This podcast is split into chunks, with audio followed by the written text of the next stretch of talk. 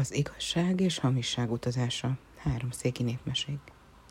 Ezelőtt sok idővel, de éppen a napját nem tudom megmondani, az igazság jól feltarisznyálva útnak indult, hogy bejárja a világot.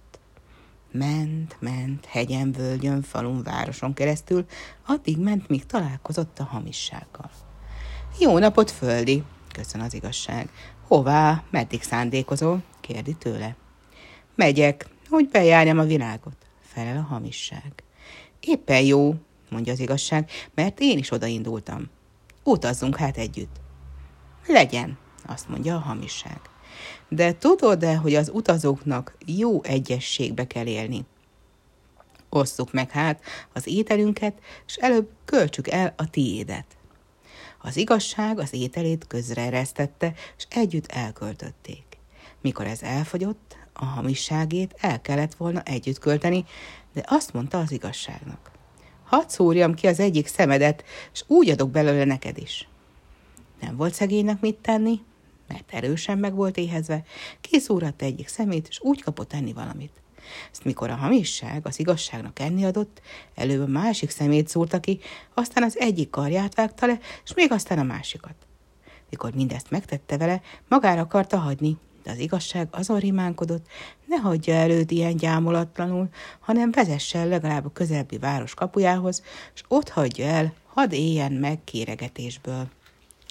El is vezette a hamisság, de nem ahová kívánta, hanem egy akasztófához. Csodálkozott az igazság, hogy ő egy emberjárást sem vesz észre, és azt gondolta, hogy abból a városból az emberek mind kihaltak. Amint így aggódott, meglepte az álom, és elaludt. Mikor felébredt, hallott a feje fölött valami beszédet, és megértette, hogy azok ördögök. A legvénebb ördög azt mondta a többinek. Mondjátok el, mit hallottatok, mit csináltatok?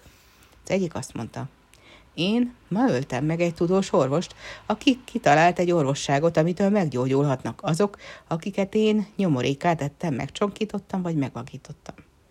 No, te derék fiú vagy, mondta a vén ördög, de mi lehet az orvosság? Az csak annyiból áll, azt mondja a másik, hogy az éjjel újhold péntekén éjjele lesz. Akkor a bénák hengergőzzenek meg, a vakok mosdjanak meg az éjjel hulló harmadban. A csonkák épekké lesznek, s a vakoknak szemük világa mi megjön. Ez derék, mondja a vénördög. Hát ti, mit csináltatok? Mit tudtok? kérdi a többit. Én, azt mondja a másik, ma végeztem el egy munkámat. Szomjan akarom haladni a közel lévő király városlakólit. Miben áll a te titkod? kérdi a vénördög. Az azt felelte. Egy követ helyeztem a város napkeleti szegleténél három ő mélységre a források erejére. Ettől a víz megáll. Egy csepp sem folyik, és én bátran járhatok akárhol, mert ezt a titkomat senki sem tudja kitalálni, és úgy lesz, ahogy én szándékozom. Ezekre a beszédekre szegény nyomrult igazság jól odafigyelt.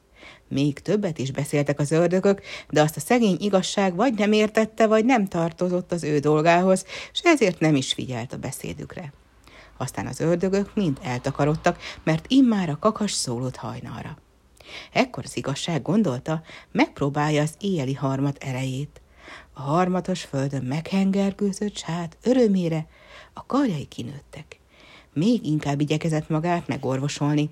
Keresgélt mindenfelé, tapogatózott, és ami burjánt csak kaphatott, arról a harmatot mind a szeme helyére dörgölte, és mikor megviratt, szerencsésen meglátta a világosságot. Hálákat adott az igazság Istenének, hogy őt mind igazat nem hagyta el.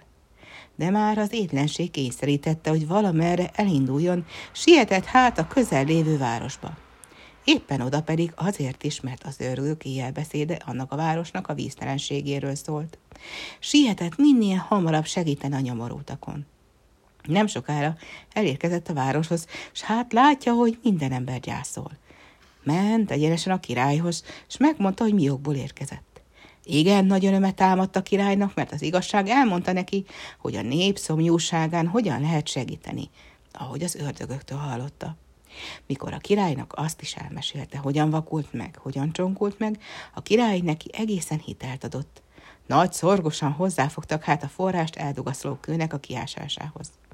Hamar ment a munka, és hamar elérték a követ. Mikor azt onnan kiemelték, a források erei megnyíltak. Erősen megörvendett a király, meg az egész nép, és nagy vígassága ünnepet tartottak. A király nem eresztette el az igazságot, hanem magánál marasztotta. Úgy tartotta őt minden dologban, mint legbizalmasabb emberét. Nagy gazdagságba s boldogságba helyezte. Az idő elteltével a hamisságnak az útra valója is elfogyott.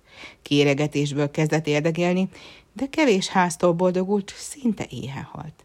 Ekkor rátalált utitársára, aki most gazdag volt, az igazságra, s tőle kért valamit. Az igazság megismerte őt, és azt mondta, hogy ad neki egy darab kenyeret, ha hagyja, hogy az egyik szemét kiszúrja. Úgy ki volt éhezve a hamisság, hogy rá kellett állnia, mert más különben éhen halt volna. Az igazság kiszúrta neki ma az egyik szemét, holnap a másikat, aztán rendre levágta mindkét karját egy-egy darab száraz kenyérért. Ennek így kellett lennie, mert a hamisság mástól semmit sem kapott. Mikor már sem szeme, sem keze nem volt, arra kért az igazságot, vezesse előtt az akasztófa alá.